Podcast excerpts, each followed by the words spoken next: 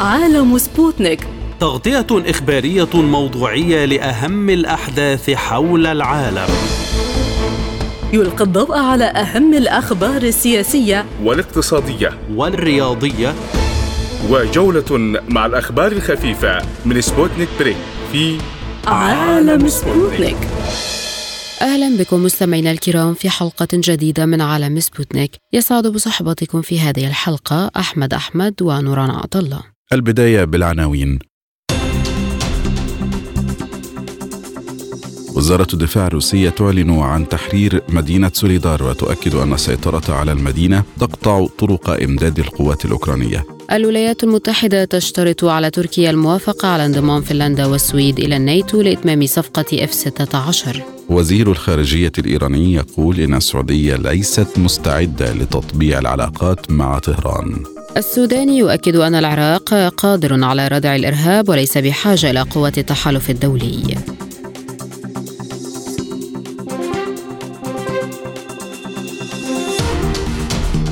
أعلنت وزارة الدفاع الروسية تحرير مدينة سوليدار الاستراتيجية بالكامل واصفة الخطوة بالأمر المهم لاستمرار العمليات العسكرية بشكل ناجح. وقالت الوزارة في بيان أن تحرير سوليدار يقطع طرق إمداد القوات الأوكرانية في أرتيوموفسك وتطويق القوات الأوكرانية المتبقية فيها. جاء تحرير المدينة عن طريق مناورة سرية قامت بها وحدات مجوقلة لها قدرات خاصة ونجحت في مهاجمة مواقع القوات الأوكرانية والسيطرة على المرتفعات المهيمنة وتطويق المدينة من الشمال والجنوب. وأشارت وزارة الدفاع الروسية أن خسائر القوات الأوكرانية في منطقة سوليدار تجاوزت 700 مسلح خلال ثلاثة أيام وتدمير أكثر من 300 قطعة سلاح. من بيروت ينضم إلينا سيادة العميد هشام جابر الخبير العسكري والاستراتيجي. بعد التحية ما أهمية السيطرة على مدينة سوليدار استراتيجياً؟ اولا سوليدار الكل يعلم مكانها استراتيجي جدا والذي يسيطر عليها يستطيع التحكم والسيطرة على آه، مدينة بخموت التي كما نعلم يعني مدى أكثر من شهر ولم يحصل فيها أي تقدم آه، يمكن اعتباره. آه، سوليدار بالإضافة إلى البلدة التي تقع في آه، جنوب أوكرانيا. أنا أرى أن السيطرة على سوليدار آه، ستسهل آه، حصار بخموت وليس بالضرورة الدخول إليها. وبالسيطره على بخموت عندما تحرر هذه المدينة سواء بالاستسلام يعني أو بالإخضاع تصبح الطريق سالكة عسكريا إلى سائر دونباس. وتكون القوات الروسية قد حققت خرقا لهذا الوضع الستيكو يعني الوضع الجامد. فكان من الضروري مع بداية هذا العام أن يتغير التكتيك بالهدف الاستراتيجي وتقوم القوات الروسية آه، آه، بتحرير يعني النقاط الاستراتيجية المهمة. وهذه كما نعلم سولير كان سوليدار سوليدار مهمة جدا وليس هناك من مجال لشرح أهميتها الاستراتيجية. إلا أنها تتحكم أيضا بمفترق الطرق يعني؟ آه، إلا ما يبقى برأيي آه، آه، بعض مئات في بخموت من كتيبة أزوف ويبقى كما يذكر المرخبون بضعة آلاف في آه، شرق أوكرانيا. أنا أعتقد أن هجوما آه، بريا مرتقبا ربما سيحصل من بيلاروسيا وسيتجه نحو شرق أوكرانيا. سيقوم بأحكام الحصار وتصبح السيطره على شرق أوكرانيا أو بالاحرى في شرق أوكرانيا والسيطره عليها قضية وقت ربما ستنتهي مع بدايه الربيع المقبل. نعم ماذا بعد السيطرة على المدينة؟ هل تتقدم القوات الروسية إلى مناطق أخرى؟ حتما حتما. ستتابع القوات الروسية. أنا تحدثت عن بخموت. آه، هناك خطط عسكرية إما دخول بخموت أو حصارها وإخضاعها يعني وتسلمها على أنها مدينة مفتوحة. وثانيا آه، تتقدم حتما القوات الروسية جنوبا وغربا لتحرير بقية المناطق وعندما تصبح دونباس بكاملها يعني تحت السيطرة وتتم تحريرها أنا أعتقد أن روسيا تكون قد حققت خلال شهرين أو ثلاثة أشهر ما ما لم تستطع تحقيقه خلال عشرة أشهر. كيف ترسم هذه الخطوة شكلا جديدا في سير العملية العسكرية في أوكرانيا؟ أنا برأيي ستنهي العملية العسكرية في أوكرانيا. اليوم القوات الروسيه وخلال ثلاثة أشهر على الأقل ستتابع هذا التقدم العسكري في شرق أوكرانيا وربما أقول تضطر إلى انطلاق قوات بريه تأتي ونخبة يعني تأتي من بيلاروسيا وأنا ذكرت مرارا ليس لدى هذه القوات البريه لن تتجه إلى كييف ولا حتى إلى الدخول إلى خاركوف آه، لأنه الهدف الرئيسي والجهد العسكري هو دونباس وشرق اوكرانيا حصارها والقضاء أو استسلام آه، المتبقين من كتيبة أزوف الموجودين في الشرق الأوكراني. أنا برأيي عندما تنتهي هذه العمليات والانجازات العسكرية ليس لدى روسيا طموح في غرب أوكرانيا انما سيستمر يعني هذا شيء عسكري ستستمر مواكبة العمليات العسكرية في شرق أوكرانيا القصف المركز على سائر أوكرانيا وخاصة على البنى التحتية. آه أنا أعتبر يعني هي قضية وقت، أما الأسلحة التي زود بها آه أوكرانيا مدرعات وستصل قريبا أنا رأيي كعسكري أن عملية انطلاق القوات البرية من آه، من بيلاروسيا إلى شرق أوكرانيا آه، الضباط والقاده الروس يفكرون بأن تقوم بسرعة إنما بغير تسرع لأن هناك سباق هذه المدرعات الخفيفة التي ستصل من أمريكا برادلي وميكس آه، خفيفة من فرنسا ومدرعات آه، ألمانية مجوبله يعني ليست مجندله يمكن أن تعقل الهجوم المرتقب من آه، من بيلاروسيا. فلذلك نحن في سباق مع الوقت إنما بدون تسرع. هذا أنا برأيي عندما تحكم الطوق وتبدأ بالتحرير شرق أوكرانيا الروسية ساعتئذ هي مستعده للجلوس على طاولة المفاوضات و يعني آه، طرح. أولا مطالب روسية صارت معروفة هي منذ البداية يخطئ البعض عندما يقول أن مطالب روسية آه، تتعدى شرق أوكرانيا إلى داخلها، لا أعتقد ذلك مطالبها معروفة وهي أربعة ولا تفاوض عليها اطلاقا ولا تراجع عن المطالب الروسية. نعم. في المقابل ما تأثير السيطرة على مناطق جديدة على التشكيلات المدعومة غربيا؟ نعم يعني آه، هي تترقب القوات الروسية وصول هذه المساعدات الغربية. وأنا تحدثت يعني اليوم يعني بذاتي نحن نراقب منذ بداية العمليات العسكرية الذي آه، أطال مدة الحرب ورغبة الغرب إطالة مدة الحرب لاستنزاف روسيا.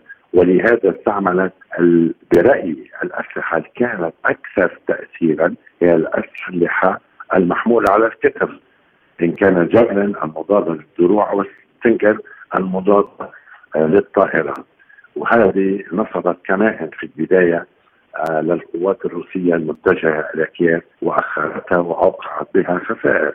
فهذه المساعدات الغربية أنا برأيي لن تؤثر على آه، مسرى الحرب بشكل دراماتيكي لأنها محدودة والباتريوت وغير الباتريوت ليس لها نفع. لأن روسيا إذا كانت غابت عن سلاحها الجوي عن آه عن أوكرانيا عن سماء أوكرانيا تستعمل طائرات مسيرة. أولا وصواريخ أرض أرض الطائرات المسيرة لا ينفع معها. أما صواريخ أما صواريخ أرض أرض يستطيع الباتريوت أن يتصدى ل 40 أو 50% من الصواريخ العادية. أما الصواريخ supersonic أو فرط صوتية فلا أعتقد أن الباتريوت يمكنه أن يحقق يعني نتائج الباتريوت أصبح قديما بالنسبة لهذه تشترط الولايات المتحدة الأمريكية على تركيا الموافقة على انضمام فنلندا والسويد إلى حلف الناتو للموافقة. في المقابل على بيع مقتلات اف 16 وأفاد مسؤولون أمريكيون بأن إدارة الرئيس جو بايدن تستعد للحصول على موافقة من الكونغرس حول إتمام الصفقة. لكن الكونغرس يشترط موافقة أنقرة على انضمام البلدين إلى حلف شمال الأطلسي. ويتزامن طلب إدارة بايدن من الكونغرس بشأن صفقة بيع الطائرات مع زيارة يجريها وزير الخارجية التركي مولود شاوش أوغلو إلى واشنطن الأسبوع المقبل. وتشمل الصفقة 40 طائرة ومجموعة جديدة لإصلاح 79 من أسطول تركيا الحالي من طراز F-16 إلى جانب أكثر من 900 صاروخ جو جو و800 قنبلة. وبموجب قوانين تصدير الأسلحة الأمريكية سيكون أمام الكونغرس 30 يوما لمراجعة صفقة البيع وفي حال أراد عرقلتها سيصدر قرارا بالرفض. من إسطنبول معنا الكاتب والمحلل السياسي طه عودة أوغلو. بعد التحية ما دلالة اشتراط الكونغرس على تركيا الموافقة على انضمام فنلندا والسويد لحلف الناتو حتى تمرر صفقة إف 16 يعني اتصور أعتقد أن هذه الخطوة هي جاءت بعد التوتر الواضح ما بين تركيا والسويد في الأيام الأخيرة الماضية. والأزمة التي حدثت بعد يعني هناك الإساءة للرئيس التركي رجب طيب أردوغان من قبل انصار حزب عمان الكردستاني التي دفعت أنقرة لاستدعاء السفير السويدي في أنقرة. وهناك رفض واضح من قبل أنقرة لقبول عضوية الناتو والسويد في الناتو إلى حين تحقيق المطالب، هذه انعكست من دون شك بشكل كبير على العلاقة التركية الأمريكية خاصة الولايات المتحدة الأمريكية. هي تحاول قدر الإمكان ضم السويد وفنلندا. في ظل الأجواء المخيمة على المنطقة وأقصد هنا الأزمة الروسية الأوكرانية ولكن تريد من أنقرة أو تضغط بطريقه غير مباشرة أعتقد هذه الطريقة وهي موضوع الطائرات والصفقة التي أنقرت منذ فترة كانت تحاول تمرير هذه الصفقة. ولكن إدارة الرئيس بايدن التي تحاول قدر الإمكان يعني أن تحضر يعني أو أن تستجيب لأنقرة لكنها تركت المجال للكونغرس الأمريكي الذي هو منذ فترة يعني منذ قبل التوترات. هناك يرفض يعني هذه الصفقة لتمريرها بالنسبة لتركيا. لذا تصوري أعتقد دلالتها مهمة وخاصة في ظل التوتر الواضح والذي ممكن أن يزداد ويتصاعد خلال الفترة المقبلة ما بين تركيا والولايات المتحدة الأمريكية. كيف سيكون الموقف التركي من هذا الشرط الأمريكي للحصول على صفقة الطائرات؟ يعني أعتقد انقره سوف ترفض بشكل كبير تعلمين أن هناك خطوات تقوم بها تركيا وتحركات على كافة المجالات هناك لها دور كبير في الأزمة الروسية الأوكرانية لعبت دور مهم في الوساطة لعبت دور في أزمة الحبوب تقاربها مع روسيا ازعج الولايات المتحدة الأمريكية. ممكن أن تتقرب أكثر إلى روسيا خلال المرحلة المقبلة وسوف تكون هي ورقه ضغط على الولايات المتحدة الأمريكية خاصة كما تابعنا خلال الأيام الأخيرة الماضية بأن الولايات المتحدة الأمريكية في ظل التقارب وهناك الخطوات التركية الروسية لفتح قنوات مع دمشق ازعجت واشنطن ودفعت بإرسال وفد إلى أنقرة لعدولها وعدم التطبيع مع دمشق لذا أعتقد أنقرة ممكن أن تستخدم هذه الأوراق للضغط على واشنطن في ظل هذه الأجواء التي تخيم بشكل كبير على المنطقة وأقصد التوترات الأمريكية الروسية بشكل خاص. ولكن هل تركيا بحاجة إلى انواع طائرات من هذا الطراز في هذا التوقيت؟ من دون شك أن أنقرة هناك تحديث للقوات المسلحة التركية تقوم بهذه الخطوة منذ فترة.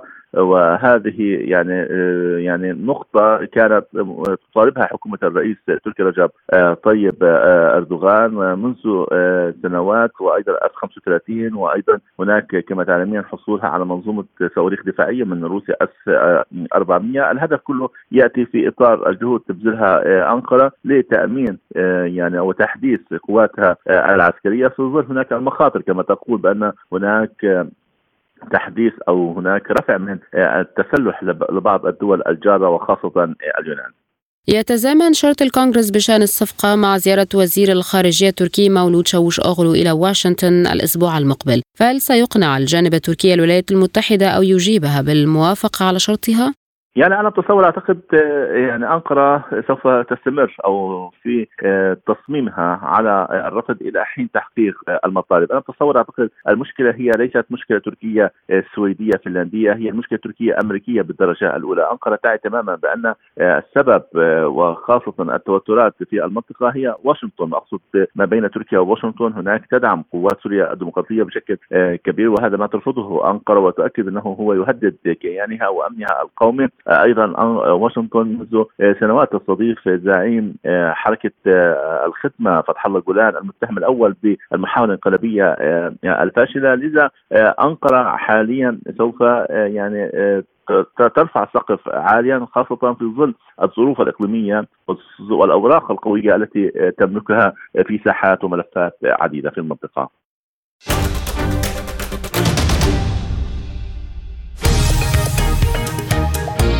عالم سبوتنيك يغطي جميع الأحداث السياسية والاقتصادية والرياضية حول العالم. على مدار ساعة تتابعون عالم سبوتنيك مع أهم خبراء التحليل السياسي والاقتصادي. نقترب معكم في متابعة دقيقة من القضايا السياسية والاقتصادية. كما نستعرض أهم الأخبار الرياضية والفنية والبيئية. انتظروا عالم سبوتنيك أيام الجمعة والسبت والأحد من كل أسبوع. ملفات ساخنة برنامج يسلط الضوء على أهم القضايا الحرجة في العالم.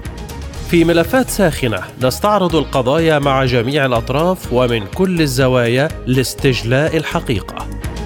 ملفات ساخنة يستضيف أهم الخبراء وأجرأ الضيوف تابعوا ملفات ساخنة مع راديو سبوتنيك أيام السبت والثلاثاء والخميس من كل أسبوع.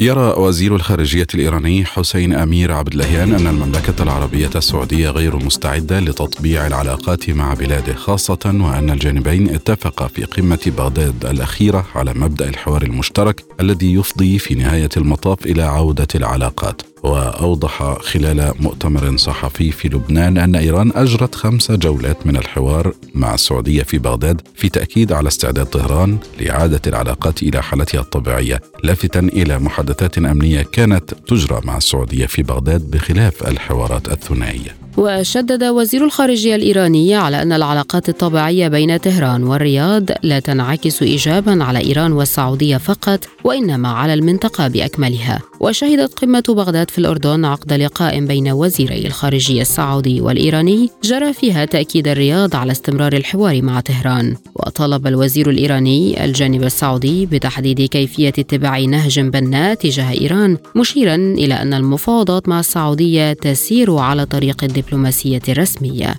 المزيد ينضم إلينا من طهران دكتور حكم أمهز خبير الشؤون الإيرانية والإقليمية. أهلا بك دكتور.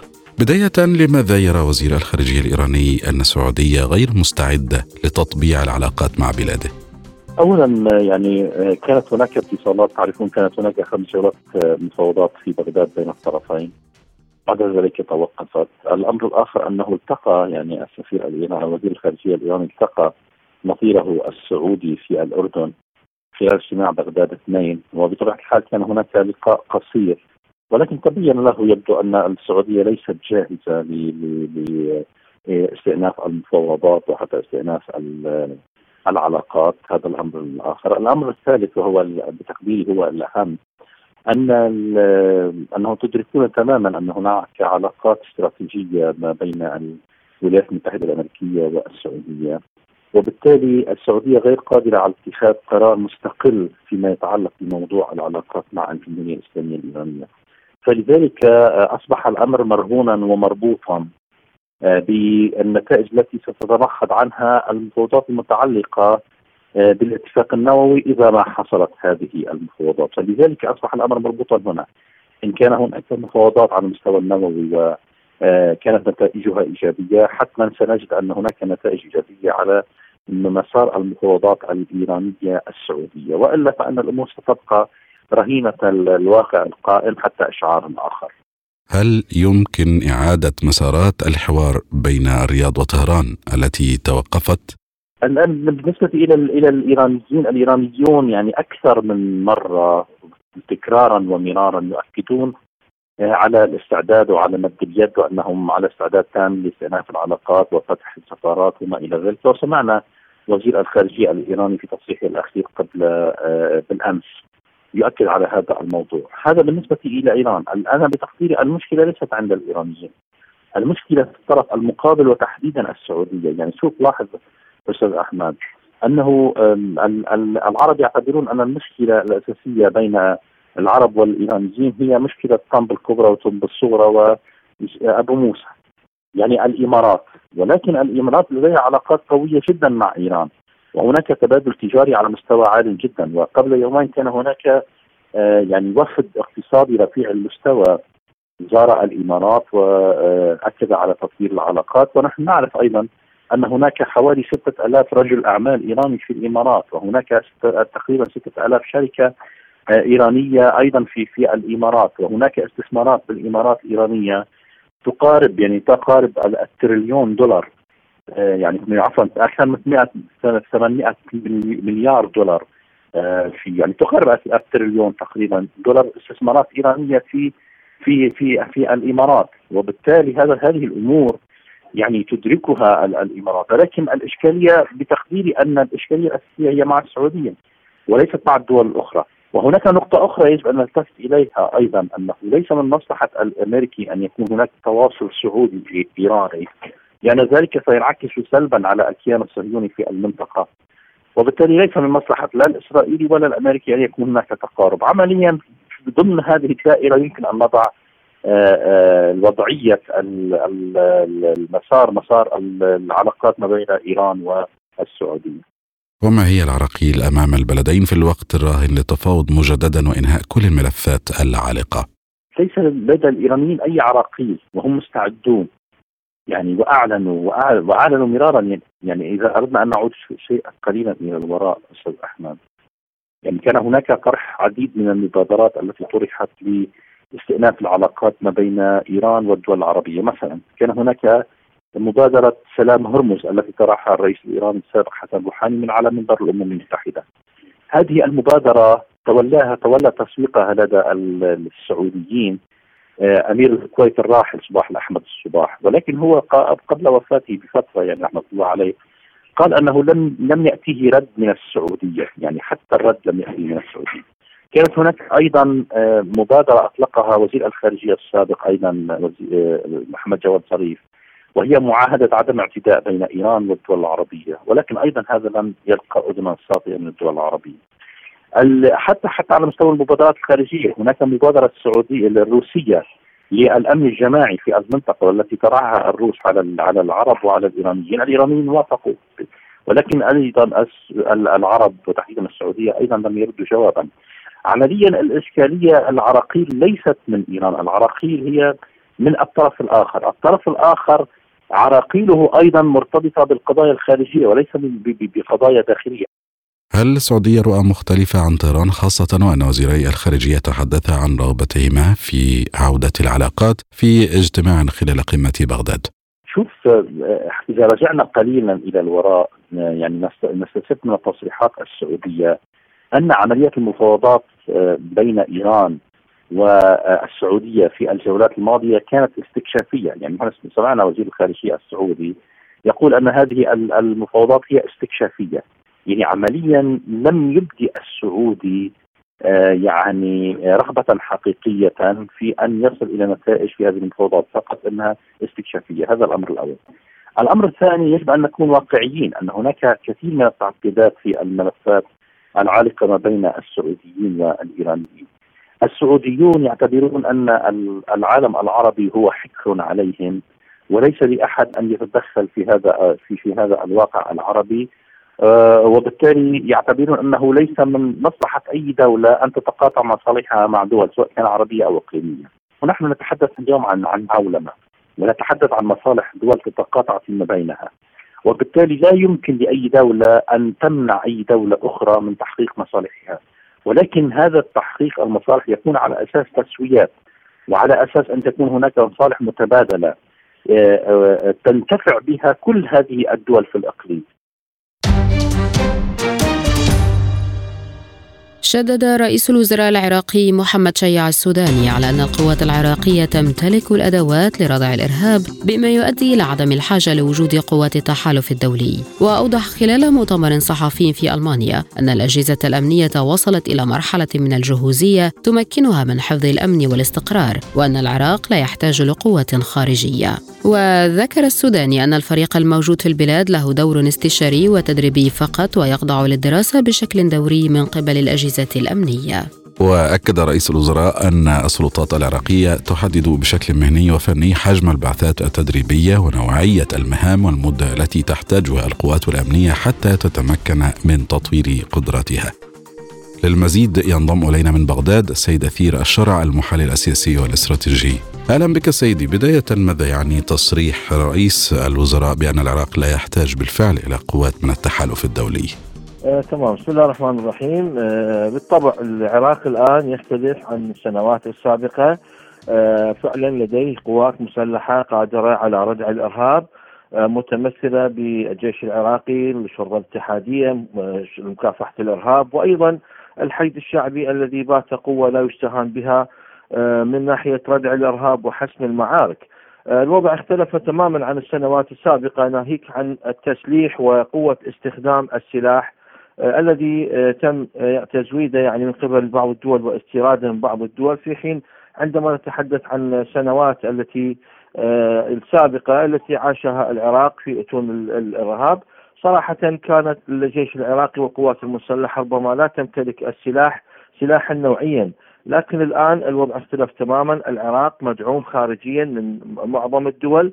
آه، آه، هناك إرادة خارجية بأن العراق يجب أن ينهض. لذلك آه، دعم الجيش العراقي والتدريب والتسليح خصوصا أن هناك اتفاقات بين العراق وبعض الدول على تهيئة الجيش العراقي وتدريبه وتسليحه بشكل جيد. هذا ما التزمت به بعض الدول وليس كل الدول. لذلك آه، السيد رئيس الوزراء أو القائد العام للقوات المسلحة آه، أيقن بأن العراق قادرا فعلا على دحر الإرهاب إذا ما كانت هناك صفحة جديدة حيث هناك آه، يعني آه، تحذيرات دولية وداخلية بعودة نشاطات آه، الإرهاب المتمثلة بداعش الإرهابي بنسخة جديدة أو بجيل جديد. لذلك العراق الآن فعلا مهيئ تماما للإطاحة بأي محاولات للإخلال بالأمن الداخلي. السوداني تحدث عن وجود مستشارين فقط من قوات التحالف وأنهم خاضعون للمراجعة، فهل هناك نية لتصفية كل القوات؟ آه، نعم بالتأكيد. شوف هناك قرار برلماني آه، في السابق خلال الدورات السابقة يفضي لإبعاد كل التواجد الأجنبي آه، على الأراضي العراقية وتخص القوات القتالية والإبقاء فقط على عناصر الاستشارة والتدريب. لذلك يعني أعتقد أن هذا القرار فعلا بات يعني بات قوسين وأدنى من التحقق أو من تنفيذه بواسطة آه، رئيس مجلس الوزراء أو القائد العام للقوات المسلحة. آه، هذا القرار كان آه، صراحة هو يريد إبعاد أي قوة قتالية عن أرض العراق. لذلك اليوم إذا تلاحظ يعني هناك طلبات الاستثمار بعودة العراق إلى محيط العربي والإقليمي. لذلك أنا أعتقد ب- يعني هناك نية فعلا بإبعاد أي قوة قتالية عن أرض العراق والإكتفاء فقط بالموجود من القوات المسلحة العراقية. لذلك أيضا هناك اتفاق بين الكتل السياسية لتنفيذ هذا القرار البرلماني في حين الحكومات السابقة آه، لم تنفذ هذا القرار ولم تبعد أي قوة قتالية. وأنا أؤكد لك أن قاعدة عين الأسد تضم قوة قتالية باقي القواعد. هناك أيضا آه، داخل آه، ربما السفارة الأمريكية في بغداد أيضا توجد قوة قتالية. آه، يعني ه- هذا موجود وكذلك هناك نية آه، أيضا لإبعاد آه، أي دولة يعني آه، لديها قوة قتالية داخل العراق والإبقاء فقط على مستشارين ومدربين إلى أي مدى يؤسس ذلك إلى مرحلة جديدة بدون قوات أجنبية في العراق؟ وما ملامح هذه المرحلة؟ وأيضا ما هي نواقص القوات العراقية التي يحتاج إلى دعمها بشكل أكبر؟ آه، سيد العزيز أؤكد لك بأنه يعني العراق آه، يعني ربما لن يستفد من القوى القتالية المتواجدة على الأراضي العراقية سوى الغطاء الجوي. هناك حظر على آه، السلاح الجوي العراقي في بعض المناطق. نعم هناك دعم بالأف يعني بعض القوات بالقوات المشتركة قوات تحالف من ناحية الغطاء الجوي لكن كقوة قتالية على الأرض لا لا لم لا, لا توجد استفادة منها صراحة. لذلك عندما نتحدث عن دعم العراق وشراء العراق من سلاح الجو أو الطائرات القتالية المتميزة يعني هذا ممكن تزويد العراق والاكتفاء بالقوة الداخلية الذاتية، لذلك فقط نحتاج إلى غطاء جوي الآن ولم نستفد خلال في السابق يعني عندما نتحدث عن الأرهاب أعتقد لا توجد قوة قتالية بذات الحجم الذي ساعد العراقيين على تخطي صفحه الأرهاب. لذلك نعم نحتاج إلى قطاع جوي، هناك أماكن خطيرة في جبال حمرين وبعض الأماكن لا يمكن الوصول لها آه، من قبل أفراد آه، الجيش العراقي وقوات مكافحة الإرهاب، لذلك نقول نعم نحتاج إلى غطاء جوي دولي لأن العراق صراحة لا يمتلك حاليا آه، طائرات حديثة قتالية يمكنها التواصل الهجمات الإرهابية أو ربما لا يمتلك منظومة دفاع جوي صراحة آه، يعني يمكن للعراق أن يدافع به عن نفسه في الوقت الحالي ونكتفي بأن هناك يعني نية باستيراد آه، منظومة دفاع جوي وطائرات جديدة. هل هذه التصريحات لها ارتدادات على علاقة بغداد بالدول الغربية؟ آه، لا لا على الإطلاق، شوف اليوم السياسة الخارجية للسيد السوداني ربما تختلف عن سياسة أسلافه. آه، بالتأكيد يعني هناك قناعات آه، حتى مع الدول الأخرى المتواجده على الأراضي العراقية بأنها لن تتدخل بالشأن الداخلي أو لم تعد لها القدرة على آه، التدخل الداخلي في الشأن العراقي، لذلك أعتقد أنه حتى هذه التصريحات محسوبه من قبل السيد السوداني، واكد لك انه السيد السوداني لم يقبل بهذا المنصب ليفشل على الإطلاق داخليا وخارجيا، لذلك أعتقد هناك دعم خارجي لهذا التوجه ولا توجد ردات فعل سلبية تجاه السيد السوداني. الآن مستمعين إليكم جولة إخبارية حول العالم.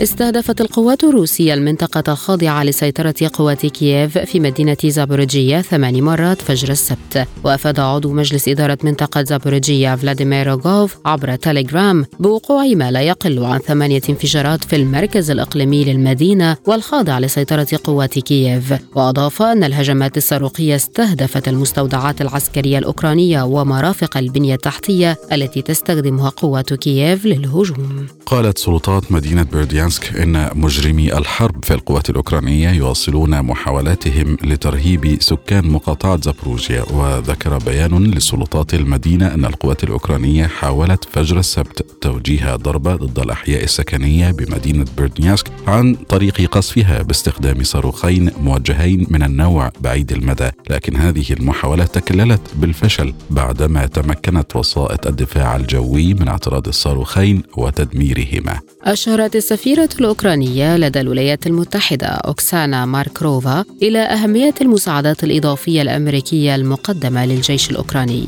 وأوضحت أن قوات كييف بحاجة إلى الدعم الأمريكي من حيث الدبابات القتالية والمركبات المدرعة والمزيد من أنظمة الدفاع الجوي والصواريخ طويلة المدى. وكانت الإدارة الأمريكية قد أعلنت عن مساعدات جديدة لأوكرانيا بما قيمته ثلاثة مليارات دولار. تتضمن مركبات برادلي القتالية وأنظمة مدفعية وناقلات جند مدرعة وصواريخ أرض جو. قتل شابان فلسطينيان برصاص قوات الجيش الإسرائيلي عند مدخل بلدة جبع جنوب جنين. وقالت مصادر أمنية إن قوات الاحتلال أطلقت النار على المركبة التي كان يستقلها الشابان عند مفرق البلدة ولاحقتهما حتى قرية مجاورة وأطلقت النار باتجاههما مجددا ما أدى إلى استشهادهما.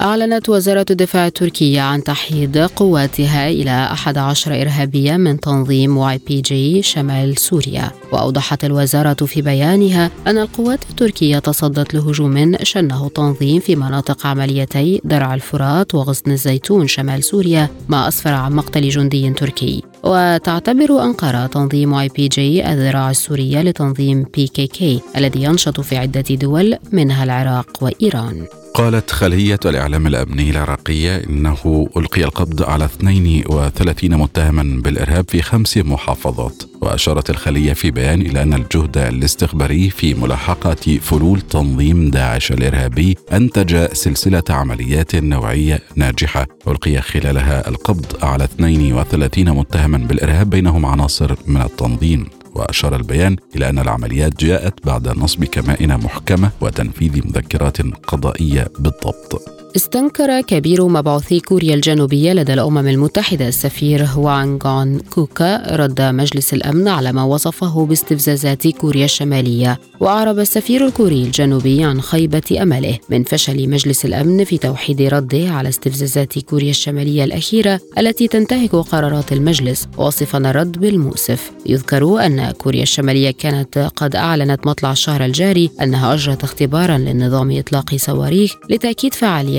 أدائه. مؤكدة أن الصواريخ أصابت الهدف المحدد بدقة في بحر اليابان. أعلنت رئيسة بيرو دينا بلوراتي في كلمة وجهتها للشعب. أعلنت اعتذارها عن سقوط عشرات القتلى خلال الاحتجاجات وأكدت أنها لن تستقيل من منصبها بعد الاحتجاجات التي اجتاحت البلاد خلال الأسابيع الماضية ونجم عنها نقتل 42 شخصا على الأقل. في حين قال مكتب المدعي العام البيروفي يوم الثلاثاء إنه بدأ تحقيقا في الإبادة الجماعية ضد الرئيسة الحالية ورئيس الوزراء وذلك بسبب وفاة المواطنين خلال الاحتجاجات المناهضة للحكومة.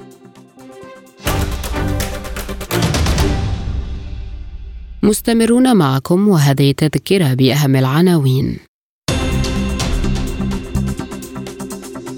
وزارة الدفاع الروسية تعلن عن تحرير مدينة سوليدار وتؤكد أن السيطرة على المدينة تقطع طرق إمداد القوات الأوكرانية.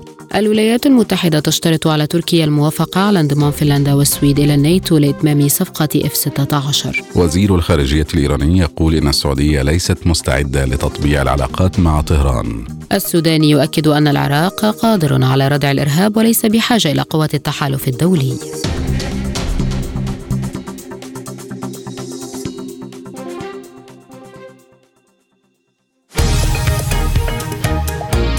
عالم سبوتنيك يغطي جميع الأحداث السياسية والاقتصادية والرياضية حول العالم.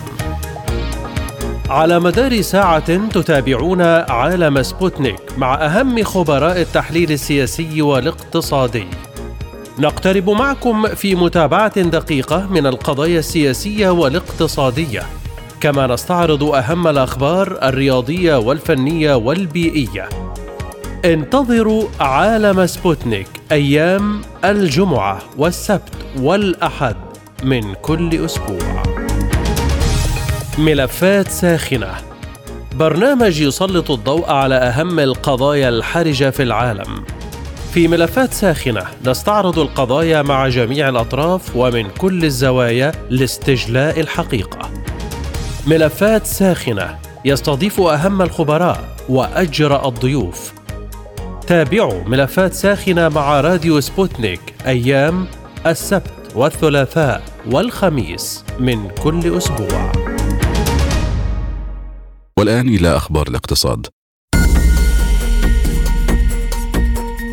قدمت مصر مقترحا لاستضافة مركز دولي لتوريد الحبوب وتخزينها للتخفيف من تأثير أزمة الغذاء العالمية بحسب بيان الخارجية المصرية. وأعلن وزير الخارجية المصري سامح شكري استعداد القاهرة للتعاون مع دول العالم لاستضافة مركز دولي لتوريد الحبوب وتخزينها. مشيرا إلى أهمية التعاون في مكافحة أزمة الغذاء العالمية. وأدلى شكري بتصريحه خلال كلمة مسجلة بالقمة الافتراضية صوت الجنوب العالمي التي حضرتها دول من آسيا أفريقيا وأمريكا اللاتينية. وذكر بيان الوزارة أن كبير الدبلوماسيين المصريين أكد دعم القاهرة أهداف مجموعة العمل الزراعية لمجموعة العشرين من أجل وضع خارطة طريق للأمن الغذائي والزراعة الذكية مناخيا.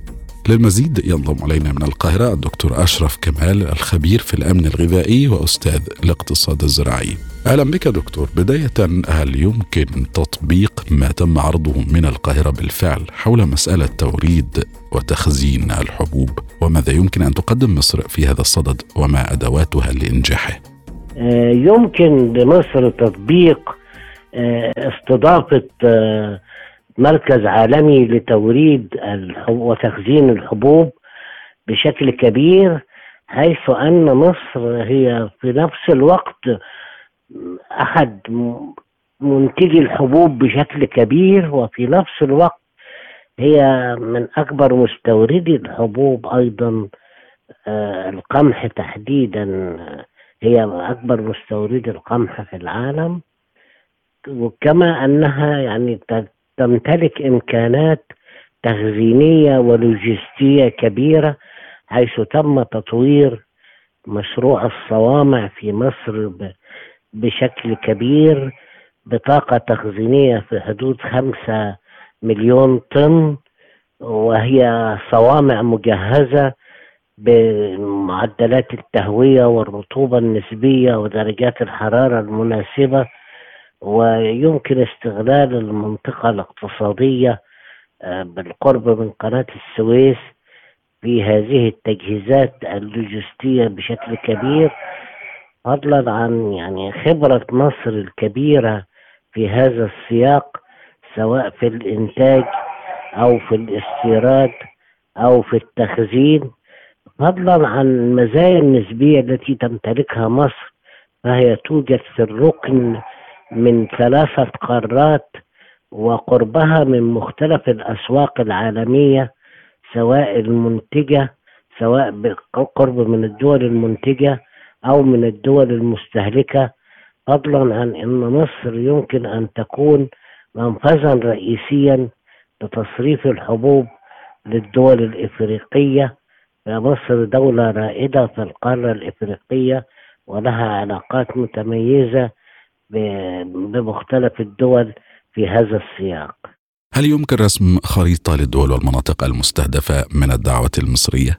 يعني الخريطة تشتمل في هذه الحالة على الدول العربية والدول الإفريقية بالنسبة لتصريف المنتجات أما بالنسبة للحصول على الحبوب فتكون من مختلف الدول سواء من دول أوروبا فرنسا منتج أساسي للحبوب وفضلا عن روسيا وأوكرانيا فضلا عن دول أمريكا اللاتينية الأرجنتين ودول حتى دول شرق آسيا وأستراليا ونيوزيلندا.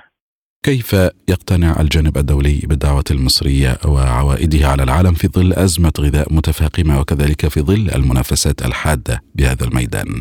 يعني يقتنع العالم بذلك بشكل كبير من خلال ثقل مصر الدولي وعلاقاتها المتميزة الدولية فضلا عن يعني أهمية هذا التوجه في ظل أزمة الغذاء العالمية وأنه يمكن أن يساهم في يعني فك شفرة جزء من تلك الأزمة والمساعدة في تدفق الحبوب على مستوى العالم هل تتغير المفاهيم الغذائية وكذلك الزراعية لدى دول العالم خاصة التي هي بحاجة إلى زيادة في حجم اقتصاداتها؟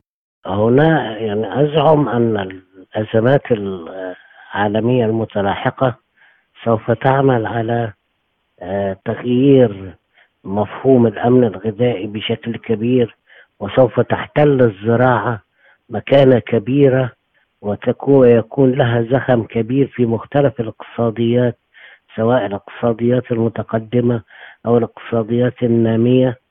لأنه يعني ثبت للعالم أنه قد تكون هناك قد تكون لديك الأموال حتى ولا تستطيع أن تحصل على الغذاء نظرا لأزمات في سلاسل الإمداد.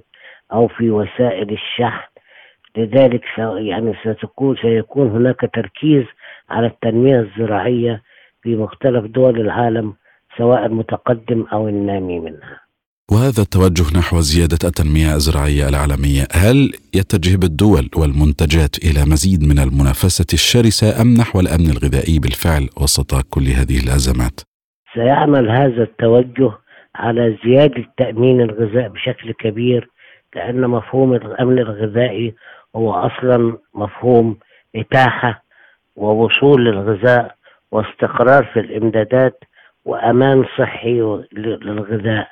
فكل هذه التوجهات سوف تعمل على تحقيق الإتاحة وسلاسة تدفق الإمدادات الغذائية على مستوى العالم.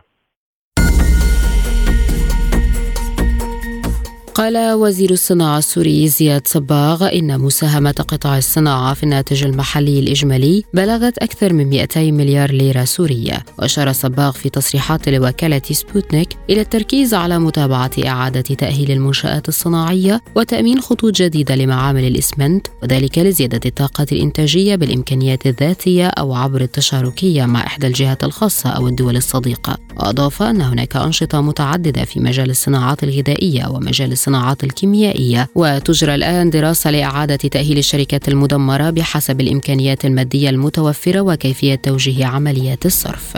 كشف وزير الطاقة الجزائري محمد عرقاب عن حجم ميزانية المشاريع الطاقوية المستقبلية للجزائر وأفادت الوزارة في بيان بأن عرقاب كشف خلال أعمال جلسة افتراضية بعنوان أمن الطاقة وتنمية خارطة طريق للازدهار المنعقدة في إطار قمة صوت الجنوب التي تنظمها الهند بأن الجزائر تخطط لبرنامج استثماري طموح في مجال المحروقات. يقدر بأكثر من 40 مليار دولار سواء في الاستكشاف والإنتاج والبنية التحتية للنقل. ويسمح البرنامج بالحفاظ على مستوى إنتاج الغاز الطبيعي بأكثر من 110 مليارات متر مكعب لكل سنة منها أكثر من 50% سيتم توجيهها للتصدير بحيث تمثل حصة الغاز الطبيعي الجزائري 5% من السوق العالمية. أغلقت أسعار النفط مسجلة أكبر مكاسب أسبوعية منذ أكتوبر الماضي وارتفعت الأسعار بالتزامن مع ارتفاع أسعار الخام وتراجع الدولار لأقل مستوى في سبعة أشهر وزيادة الأدلة المتعلقة بارتفاع الطلب على النفط في الصين. وعند التسوية ارتفعت العقود الآجلة لخام برنت بنحو واحد ونصف بالمئة إلى 85 دولارا و28 سنتا للبرميل مسجلة مكاسب أسبوعية بنحو 8.16% كما صعدت عقود الخام الأمريكي بنسبة 1.9% مسجلة 79 دولارا و86 سنتا للبرميل محققة بذلك مكاسب أسبوعية بنسبة 8.4% وكشفت البيانات ارتفاع مشتريات الصين من الخام في الآونة الأخيرة بجانب زيادة الحركة المرورية في شوارع البلاد.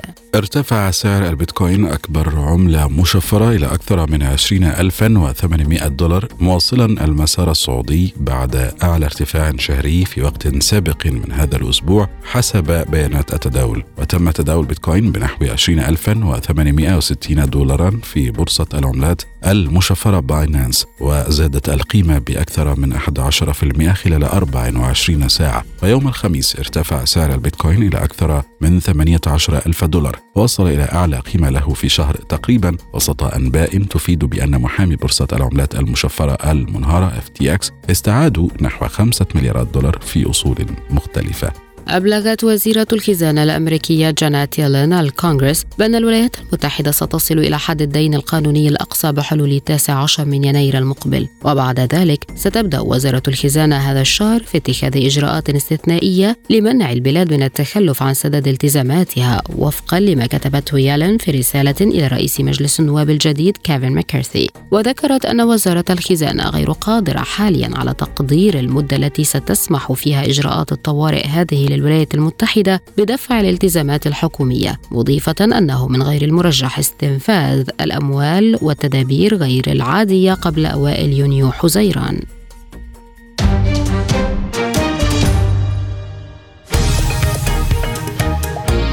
عالم سبوتنيك يغطي جميع الأحداث السياسية والاقتصادية والرياضية حول العالم. على مدار ساعة تتابعون عالم سبوتنيك مع أهم خبراء التحليل السياسي والاقتصادي. نقترب معكم في متابعة دقيقة من القضايا السياسية والاقتصادية، كما نستعرض أهم الأخبار الرياضية والفنية والبيئية. انتظروا عالم سبوتنيك أيام الجمعة والسبت والأحد من كل أسبوع. مساحة حرة برنامج يسلط الضوء على أهم القضايا الاجتماعية والاقتصادية حول العالم. في مساحة حرة تنوع في الآراء وثراء في النقاش. مساحة حرة يأتيكم عبر راديو سبوتنيك الاثنين والخميس من كل أسبوع والآن إلى أخبار الرياضة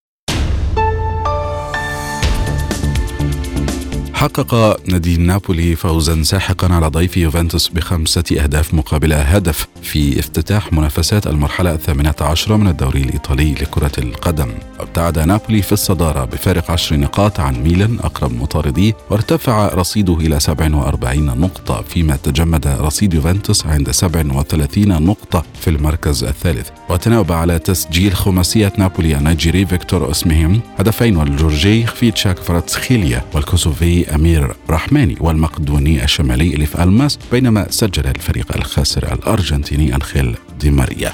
تعادل سلتا فيغو مع فياريال بهدف لكل منهما ضمن منافسات المرحلة السابعة عشرة بالدوري الإسباني لكرة القدم. وتقدم فياريال عن طريق جيرارد مورينو في الدقيقة الخامسة عشر قبل أن يدرك يورغن ستراند التعادل لسلتا فيغو في الدقيقة الثامنة وستين. ورفع فياريال رصيده إلى 28 في المركز الرابع فيما رفع سلتا فيغو رصيده إلى 17 نقطة في المركز الخامس عشر. أحرز المهاجم الإيفواري سباستيان هالر ثلاثية لفريق بوروسيا دورتموند. الألماني في مباراة ودية ضد بازل السويسري وهي مباراته الثانية بعد تعافيه من إصابته بالسرطان. سجل المهاجم الدولي الإيفواري ركلة جزاء في الدقيقة الحادية والثمانين واحتفل باحتضان زملائه في الفريق وجاء هدفه الثاني في الدقيقة السادسة والثمانين من كرة عرضية فيما جاء الثالث في الدقيقة الثامنة والثمانين من ركلة ركنية. واستغرق تسجيل الهاتريك سبع دقائق واثنتين وثلاثين ثانية وفاز دورتموند بنتيجة 6 لصفر. في مباراة استمرت 109 دقائق بدلا من 90 دقيقة لمنح المزيد من اللاعبين وقتا في الملعب. انتزع منتخب قطر تعادلا ثمينا أمام نظيره الإماراتي واحد واحد في الجولة الثالثة والأخيرة من دور المجموعات في خليج 25 لكرة القدم ليحجز بطاقة العبور إلى نصف النهائي. وكان منتخب الإمارات سباقا للتسجيل في الدقيقة السابعة والسبعين عن طريق فابيو ديليما ولكن القطريين أدركوا هدف التعادل قبل دقيقتين من نهاية المباراة بواسطة البديل تميم منصور. ورفعت قطر رصيدها إلى أربع نقاط في وصافة المجموعة المجموعة الثانية لتحجز تذكرة العبور إلى الدور نصف النهائي برفقة البحرين المتصدرة بسبع نقاط بعد التعادل مع الكويت بهدف لكل فريق. سجل المنتخب البحريني عن طريق مهدي حميدان في الدقيقة السادسة والعشرين قبل أن يدرك جبيب الخالدي التعادل للكويت في الدقيقة الخامسة والأربعين. في المقابل ودعت الكويت والإمارات البطولة باحتلالهما المركزين الثالث والرابع. تفادى منتخب الجزائر للمحليين مفاجآت مباريات الافتتاح وحقق فوزا ثمينا أمام نظيره الليبي بهدف نظيف على ملعب نيلسون مانديلا في افتتاح مباريات بطولة أفريقيا للمحليين. سجل هدف الخضر الوحيد أيمن محيوس في الدقيقة السابعة والخمسين من ركلة جزاء واحتل بذلك محارب الجزائر المركز الأول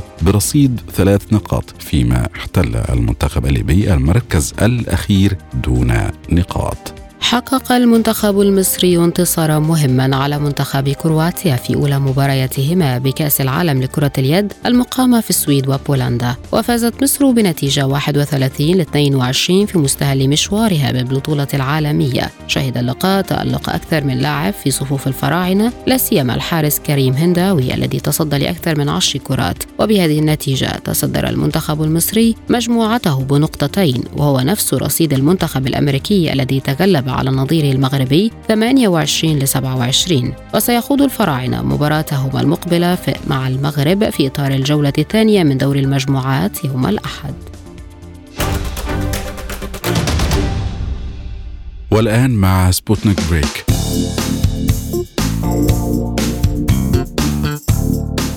تستعد روسيا في عام 2023 لتجديد الكوكبة المدارية لأقمار الملاحة جلوناس بثلاثة أجهزة من الجيل الجديد. وأفادت معلومات على موقع شركة روسكوزموس بأنه سيتم إطلاق قمرين صناعيين من نوع جلوناس كي واحد وجلوناس كي اثنين بالإضافة إلى أجهزة استشعار الأرض عن بعد بالإضافة أيضا إلى أنه من المخطط إطلاق محطة لونا 25 وعشرة أقمار صناعية نانوية في المدار. وفقا للبيانات سيتم إطلاق صواريخ أنجارا من محطة بليتسك ومركبة فضائية مأهولة سويوز إم إس مرتين وأربع عمليات إطلاق لبروغرس إم إس إلى محطة الفضاء الدولية. عرضت وزارة الشباب والثقافة والتواصل المغربية بقايا عظمية لأسد الأطلس. كان المعهد الوطني لعلوم الأثار والتراث قد أعلن اكتشافها الشهر الماضي ويعود تاريخها إلى نحو 110 ألاف سنة.